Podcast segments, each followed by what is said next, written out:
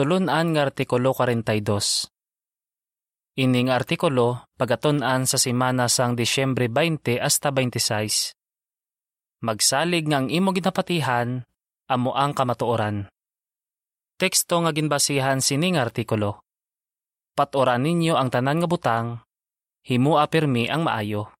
Unang Tesalonika 5.21 Ambahanon 142 Manguyapot sing hugot sa paglaom. Ang binagbinagon sa sining artikulo. Sa sining artikulo, binagbinago naton kung paano ginsimba ni Jesus sa Jehova kag kung paano siya ginsunod sang iya mga disipulo. Binagbinagon man naton ang mga ebidensya nga ginasunod ini sang mga saksi ni Jehova subong. Para po uno, pamangkot. Nga ang nagapalibog ang madamo nga tawo. Linibo ka reliyon ang nagasiling nga mga kristyano sila kaginabaton kuno sang Dios ang ila paagi sang pagsimba. Gani nagapalibog ang madamo nga tawo. May isa bala ka reliyon nga mugid ang matuod o kon ginabaton bala sang Dios ang tanan nga reliyon? Kumbinsido gid bala kita nga kita nga mga saksi ni Jehova amo ang nagatudlo sang kamatuoran kag ang aton paagi sang pagsimba amo ang ginabaton ni Jehova? Ano ang aton mga pamatuod? Binagbinago naton ini para po dos, pamangkot. Suno sa unang Tesalonika 1.5, nga ako binsido si Apostol Pablo nga ang iya ginapatihan, amo ang kamatuoran. Kumbinsido gid si Apostol Pablo nga ang iya ginapatihan, amo ang kamatuoran. Ang unang Tesalonika 1.5 nagasiling. Bangod ang maayong balita nga ginabantala namon wala mag-abot sa inyo, paagi lamang sa hambal kundi paagi man sa gahom, balaan ng espiritu, kag malig-on nga pagsalig. Kag naibaluan gininyo kung nangin ano kami nga sahi sa mga tao sa tunga ninyo para sa inyo kaayuhan. Nalipay siya sang natun-an niya ang kamatuoran, pero hindi amo ini ang rason kung nga anong kumbinsi siya. Gin tun-an sing maayo ni Pablo ang pulong sang Dios. Nagpati siya ang pagsulat sa bugos nga kasulatan gintoy-toyan sang Dios. Ikaduhang Timoteo 3.16 ano ang iyan natunan? Nakita ni Pablo sa kasulatan ang maathag nga pamatuod nga si Jesus amo ang ginpromesa nga Mesiyas. Ginbaliwala sa mga lider sang reliyon sa mga Hudiyo ini nga pamatuod. Nagsiling sila nga ginatudloan nila ang mga tao sa kamatuoran parte sa Dios, pero ginahimo nila ang mga butang nga ginapakamalaot sang Dios. Hindi pareho sa ila si Pablo. Wala siya nagsiling nga magapili lang siya sang gusto niya patihan sa pulong sang Dios. Handa siya nga itudlo kag iaplikar ang bugos nga katuyuan sang Dios. Binuhatan 2027 kag footnote. Para po tres, pamangkot. Para makumbinsi kita nga ang aton ginapatihan amo ang kamatuoran, dapat bala nga masabat gid ang tanan naton nga pamangkot? Nagasiling ang iban nga kung matuod ang isa ka reliyon, dapat masabat sini ang tanan nga pamangkot, bisan ang mga pamangkot parte sa mga topiko nga wala sa Biblia. Posible bala ini? Binagbinaga ang halimbawa ni Pablo. Ginpaligon niya ang iya mga kauturan nga paturon nila ang tanan nga butang. Pero nagsiling man siya nga madamo pa ang wala niya mahangpan. Unang Tesalonika 5.21 Nagsulat siya nga ang aton ihibalo hindi pabugos, kag malubog ang makita naton sa metal nga espeho. Unang Korento 13:9 kag 12. May ara wala sing nahangpan si Pablo. Kagamo man kita. Pero nahangpan ni Pablo ang panguna nga mga kamatuoran parte kay Jehova. Bastante na ini para makumbinsi siya nga ang iya ginapatihan amo ang kamatuoran. Ari ang dugang impormasyon mas madamo ang binuhatan kag katuyuan ni Jehova sang sasarang naton masugid. Para mangin kumbinsido gid kita nga ang aton ginapatihan amo ang kamatuoran, dapat bala nga dabalaan gid naton ang tanan nga sabat sa aton mga pamangkot o kon dapat bala nga masabat gid naton ang tanan nga ginapamangkot sa aton? Hindi. Ginapakita sang masunod nga mga teksto nga indi gid naton mabalaan ang tanan nga binuhatan kag katuyuan ni Jehova. Wala sing katapusan ang pagtuon naton parte sa aton Dios. Pero may ginsugid sa aton si Jehova parte sa iya kaugalingon kag sa iya mga katuyuan. Bastante na ini para mangin mabakod ang aton pagtuo sa iya, kag para mapaatag naton sa iban ang panguna nga mga ginatudlo sang iya pulong. Salmo 45 O Jehova nga akon Dios, madamo ang imo ginhimo, madamo ang imo makatilingala nga binuhatan kag katuyuan para sa amon. Wala kasing kaangay. Kung isugid ko kag isaysay ini, madamo pa ini sa sarang ko masugid. Manugwali 3.11 Ginhimo niya nga matahom ang tanan nga butang sa tagsa kation sini. Ginbutang man niya sa ila tagipusoon ang wala sing katubtuban, apang indi gid matungkad sang mga tawo ang binuhatan sang matuod nga Dios halin sa gisuguran tubtob sa katapusan. Isayas 55:9 Subo nga ang mga langit mas mataas ang sa duta Amo man ang akon dalanon, mas mataas ang sa inyo dalanon, kag ang akon panghuna-huna sa inyo panghuna-huna. Roma 11.33 Tuman kadamo sang pagpakamaayo sang Dios. Indi gid matungkad ang iya kaalam kag hibalo.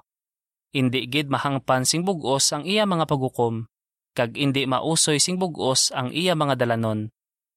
Balik sa artikulo. Para po 4, pamangkot. Ano ang isa ka paagi para makumbinsigid kita nga ang aton ginapatihan amo ang kamatuoran? Kag ano ang binagbinago naton parte sa matuod nga mga Krisyano? Ang isa ka paagi para makumbinsigid kita nga ang aton ginapatihan amo ang kamatuoran amo ang pagkumparar sang paagi sang pagsimba ni Jesus kag sang paagi sang pagsimba sa mga saksi ni Jehovah subong. Sa sining artikulo, maton-an naton nga ang matuod nga mga Kristiyano Una, wala nagasimba sa mga Diyos-Diyos. Ikaduha, ginapadunggan nila ang ngalan ni Jehova. Ikatlo, ginapabalora nila ang kamatuoran. Kag ikapat, palangga gid nila ang isa kag isa. Wala kita nagasimba sa mga Diyos-Diyos. Para po singko, pamangkot. Ano ang matun-an naton kay Jesus parte sa husto nga paagi sang pagsimba sa Dios? Kag paano naton iaplikar ang iyagin tudlo? Bangod palangga gid ni Jesus sa Jehova, si Jehova lang ang iya ginsimba sang ara siya sa langit kag sang ari siya sa duta. Gintudloan niya ang iya mga disipulo nga si Jehova lang ang dapat nila simbahon. Wala nagamit si Jesus o kon ang iya matutom nga mga disipulo sing mga imahin para sa ila pagsimba. Bangod ang Dios isa ka espiritu, wala sing bisan sino nga makahimo sang imahin sang Dios kag magsiling nga amo ini ang iya itsura. Kamusta naman ang paghimo sa mga imahin sang ginatawag sa mga tao nga mga santos kag ang pagpangamuyo sa ila? Sa napulo kasugo ni Jehova, amo ini ang ikaduha. Hindi ka mo maghimo sing tinigib nga imahin o kon sing bisan ano nga nagarepresentar sang butang nga yara sa langit o kon sa duta. Hindi ka mo magyaob sa ila. Exodo 20, 4 kag 5 para sa mga tao nga nagapanikasog nga batonon sang Dios ang ila pagsimba, nahang panila nga indi gusto sang Dios nga magsimba kita sa mga Dios-Dios. Para po size pamangkot. Sino ang ginasunod sang mga saksi ni Jehova sa ila paagi sang pagsimba subong? Ang mga historian nagsiling nga ang Diyos lang ang ginasimba sang mga Kristiyano sang una. Halimbawa, ang libro nga History of the Christian Church nagasiling nga magalalain gid ang mga Kristiyano sang una kung silingan sila nga magbutang sa mga imahin sa mga lugar nga ginatipunan nila para magsimba. Subong, ginasunod sa mga saksi ni Jehova ang ginhimo sa mga Kristiyano sang unang siglo. Wala kita nagapangamuyo sa imahin sa mga santos o kon sa mga anghel, kag wala gani kita nagapangamuyo kay Hesus kag wala kita nagasaludo sa bandera sang aton pungsod o kon nagahimo sang bisan ano nga nagapakita nga nagasimba kita sa sini. Bisan pa piliton kita sang iban nga himuon ini, handa gid kita nga tumanon ang ginsiling ni Jesus. Si Jehovah nga imo Dios ang dapat mo simbahon. Mateo 4.10 Para po siyete, pamangkot. Ano ang kinalain sa mga saksi ni Jehovah sa iban nga reliyon? Subong, Madamo nga tao ang nanamian mamati sa bantog nga mga lider sang reliyon. Grabe gid ang pagdayaw sa mga tao sa ila nga daw ginasimba na nila sila. Madamo nga tawo ang nagakadto sa ila mga simbahan, nagabakal sang ila mga libro, kag nagahatag sa ila sang madamo nga kwarta o kon sa mga organisasyon nga ila ginasuportahan. Kinapatihan sang pila ka tawo ang tanan nila nga ginasiling. Bilibgid sila sa sini nga mga lider. Grabe gid ang ila kalipay kung makita nila sila nga daw pamatsyag nila nakita nila si Jesus. Pero hindi tawo ang ginasunod sa mga nagasimba kay Jehova. Ginarespeto naton ang mga nagapanguna sa aton. Pero ginasunod naton ang ginsiling ni Jesus.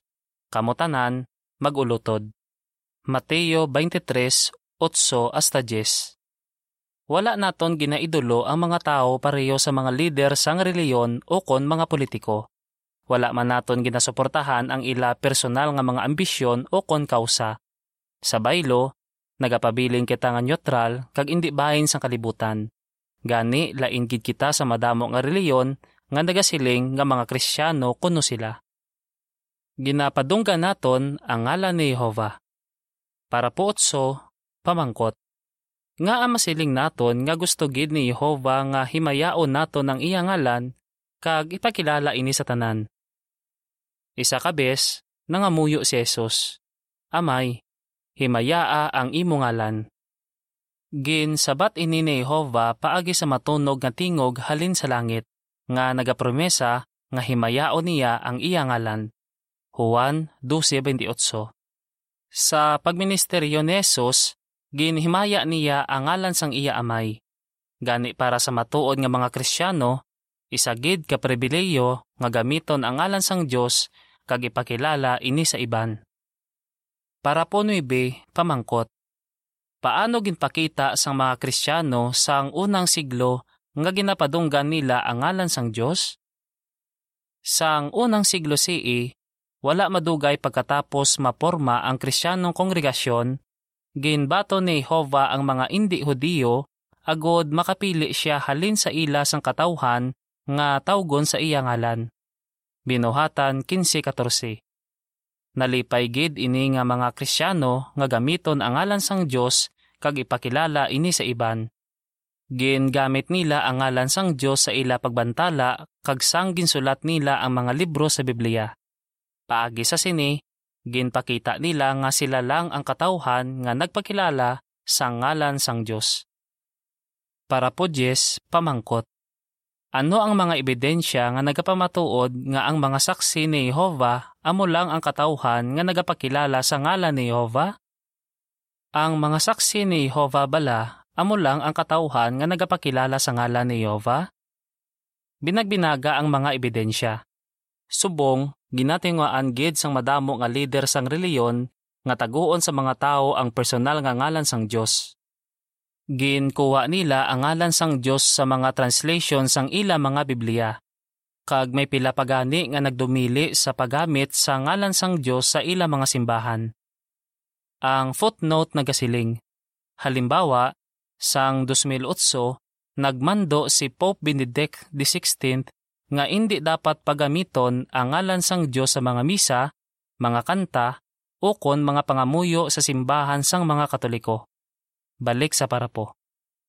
Maathag nga ang mga saksi ni Jehova amo lang ang katawhan nga nagapabalor kag nagapadungog sa ngalan ni Jehova. Ginapanikasugan gid naton nga ipakilala sa madamo nga tawo ang ngalan sang Dios. Kag wala gid sang iban nga reliyon nga makalabaw sa aton ginahimo. Ginatawag kita nga mga saksi ni Jehova kag ginahimo naton ang aton bugos nga masarangan base sa kahulugan sini nga ngalan nakahimo na kita sang sobra 240 ka milyon kakopya sang New World Translation of the Holy Scriptures. Mabasa sa sini nga Biblia ang ngalan ni Jehova sa mga teksto nga gindula ini nga ngalan o kon ginisilan sang iban nga mga translator. Kag nagahimo kita sa mga publikasyon nga nabase sa Biblia nga nagapakilala sa ngalan ni Jehova sa sobra isa ka libo. Ari ang paathag sa mga picture nga gingamit para sa parapo 8 hasta 10. Nakahimo na ang organisasyon ni Jehovah sang New World Translation sa sobra 200 kalingwahe. Gusto sang organisasyon nga mabasa sa mga tao ang ngalan sang Dios sa Biblia sa ila namatan nga lingwahe. Ang caption sini nga mga picture nagasiling Nalipay gid ang matuod nga mga Kristiyano nga isugid sa iban ang parte kay Jehova. Ginapabaloran naton ang kamatuoran. Para po unse, pamangkot. Paano ginpakita sang mga Kristiyano sang una nga ginapabaloran nila ang kamatuoran? Ginpabaloran ni Jesus ang kamatuoran o kon ang kamatuoran parte sa Dios kag sa iya mga katuyuan. Makita sa mga ginhimo ni Jesus nga nagapati siya sa sini nga kamatuoran, kag insugid man niya ini sa iban. Ginapabaloran man sa matuod nga mga sumunod ni Jesus ang kamatuoran Gintawag pagani ni Apostol Pedro nga dalanon sang kamatuoran ang reliyon sang mga Kristiyano. Ikaduhang Pedro 2.2 Bangod ginapabaloran gid sang mga Kristiyano sang una ang kamatuoran, ginsikway nila ang mga panudlo sang mga reliyon, ang mga tradisyon, kag ang mga opinyon nga wala na base sa kamatuoran. Subong, ginapanikasugan man sang matuod nga mga Kristiyano nga padayon nga maglakat sa kamatuoran. Paano? Ginasigurado nila nga nabase sa pulong ni Jehova ang tanan nila nga ginapatihan kag ginahimo. Ikatlong 1, bersikulo 3 kag 4. Para po duse, pamangkot. Kon marealisar sang nagadumala nga hubon nga may dapat baguhon sa aton pagangop, ano ang ila ginahimo? Kag nga ah. Wala nagasiling ang mga saksi ni Jehova nga naintindihan nila ang tanan nga nasulat sa Biblia may mga tion nga sala ang paathag nila sang panudlo sa Biblia. O kon, hindi husto ang ginhatag nila nga panuytoy sa organisasyon. Hindi kita dapat matingala sa sini. Suno sa Biblia, nagaathag ang pagangop sang katawhan ni Jehova sa kamatuoran, samtang nagaligad ang tion. Amat-amat nga ginapahayag ni Jehova ang kamatuoran, gani dapat handa kita nga magulat kag mangin mapinasensyahon hasta nga mahangpa naton sing maayo ang kamatuoran. Kon marealisar sang nagadumalang hubon nga may dapat baguhon sa aton pagangop o kon sa panuytoy sang organisasyon, nagahimo sila dayon sang mga pagbag-o. Madamo nga reliyon ang nagahimo sa mga pagbag-o kay ginapasundan nila ang ilang mga miyembro o kon gusto nilang makilala sila sa kalibutan. Pero nagahimo sa mga pagbag-o ang mga saksi ni Jehovah kay gusto naton nga manginsuod pagid kita sa Dios kag masunod naton ang paagi sang pagsimba ni Jesus. Nagahimo kita sa mga pagbag-o bangod mas nahangpa naton ang Biblia. Hindi bangod sa opinyon sang madamo nga tawo. Ginapabaloran gid naton ang kamatuoran. Palangga gid naton ang isa kag isa. Para po 13, pamangkot.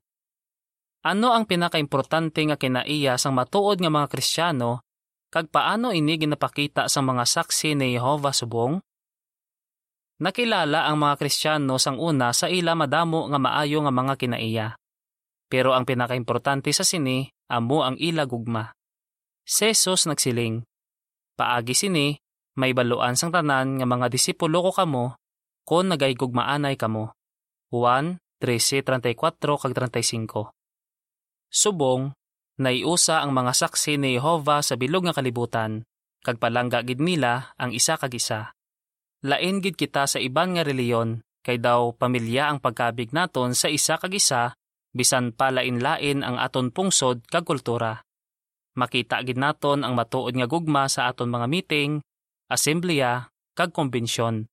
Bangod sini, mas kumbinsido pagid kita nga ginabato ni Jehova ang aton pagsimba. Para po 14, pamangkot. Suno sa Kolosas 3.12 hasta 14, ano ang isa ka importante nga paagi nga mapakita naton nga palangga gid naton ang isa kag isa? Ginapalig-on kita sang Biblia nga maghigugmaanay sing tudok. Unang Pedro 4.8 Mapakita naton ini nga gugma kon magpinatawaray kita kag kon batason naton ang mga kakulangan sang isa kag isa. Ginapanikasugan man naton nga mangin maalwan kag maabi-abiyon sa tanan nga kauturan sa kongregasyon, bisan pa sa mga nagpalain sang aton buot. Ang Kolosas 3.12 hasta 14 nagasiling. Gani, subong mga pinili sang Dios, balaan kaginigugma, isuksok ninyo ang mapinalanggaon nga kaawa, kaayo, pagka mapainubuson, kalulo, kag pagka mapinasensyahon Padayon nga batasan ninyo ang isa kag isa, kag magpinatawaray kamo sing kinabubuton, bisan pa ang isa may rason nga magreklamo sa isa. Subo nga si Jehova nagpatawad sing kinabubuton sa inyo, amo man sini ang himuon ninyo. Apang dugang pa sa sining tanan, isuksok ninyo ang gugma, kay amo ini ang himpit nga higot sang pagiusa. Kon ginapakita naton ini nga gugma, ginapamatod-an naton nga matuod kita nga mga Kristiyano. Isa ka pagtuo. Para po 15, pamangkot. Ano pa ang ginsunod naton sa paagi sang pagsimba sang mga Kristiyano sang unang siglo? May mga ginsunod pagit kita sa paagi sang pagsimba sang mga Kristiyano sang unang siglo. Halimbawa, naorganisar kita pareho sa ila. Mayara man kita nagalakbay nga mga manugtatap, mga gulang, kag mga ministeryal nga alagad. Kag pareho sa ila, ginatuman gid naton ang mga kasuguan ni Jehova parte sa sex kag pag-asawahay ginatamod naton nga sagrado ang dugo, kag ginaamligan naton ang kongregasyon sa mga nagahimo sang sala nga wala nagahinulsol. Para po 16, pamangkot. Ano ang matun-an naton sa ginasiling sang Efeso 4.4 hasta 6? Nagsiling si Jesus nga madamo ang magapangangkon nga mga disipulo niya sila, pero hindi matuod nga disipulo ang pila sa ila. Nagpaandam man ang Biblia nga sa katapusan nga mga adlaw, madamo ang daw Diyos nun kung tulokon. Ikaduhang Timoteo 3.1 kag 5. Pero maathag nga ginasiling sang Biblia nga may isa lang kapag tuo, nga ginabaton ang Diyos. Ang Efeso 4.4 hasta 6 nagasiling, may isa ka lawas, kag isa ka espiritu. Kaangay nga may isa kapag laom nga sa sini, gintawag kamo. Isa ka ginoo, isa ka pagtuo, isa ka bautismo, isa ka Diyos, kag amay sang tanan, nga labaw sa tanan, kag nagapanghikot paagi sa tanan, kag nagapanghikot man sa tanan. Para po 17, pamangkot. Sino subong ang nagasunod kay Jesus kag nagapakita sang isa ka matuod nga pagtuo? Ano nga reliyon ang nagapakita sining isa ka matuod nga pagtuo subong? Ginusisa na naton ang mga ebidensya. Gin binagbinag naton ang paagi sang pagsimba nga gintudlo ni Jesus, kag ang ginhimo sa mga Kristiyano sang unang siglo. Maathag nga ang mga saksi ni Jehova lang ang nagapakita sini. Isagid kadako nga pribileyo nga mangin katawhan ni Jehova, kag mabalaan ang kamatuoran parte kay Jehova kag sa iya mga katuyuan. Gani, pabakuron pagid naton ang aton pagsalig nga ang aton ginapatihan amo ang kamatuoran. Bilang mga saksi ni Jehovah, paano naton ginapakita nga si Jehovah lang ang aton ginasimba kag ginapadunggan naton ang iya ngalan? Ginapabaloran naton ang kamatuoran? Palangga gid naton ang isa kag isa? Ambahanon tres, amon kusog, amon paglaom, amon pagsalig. Dire natapos ang artikulo.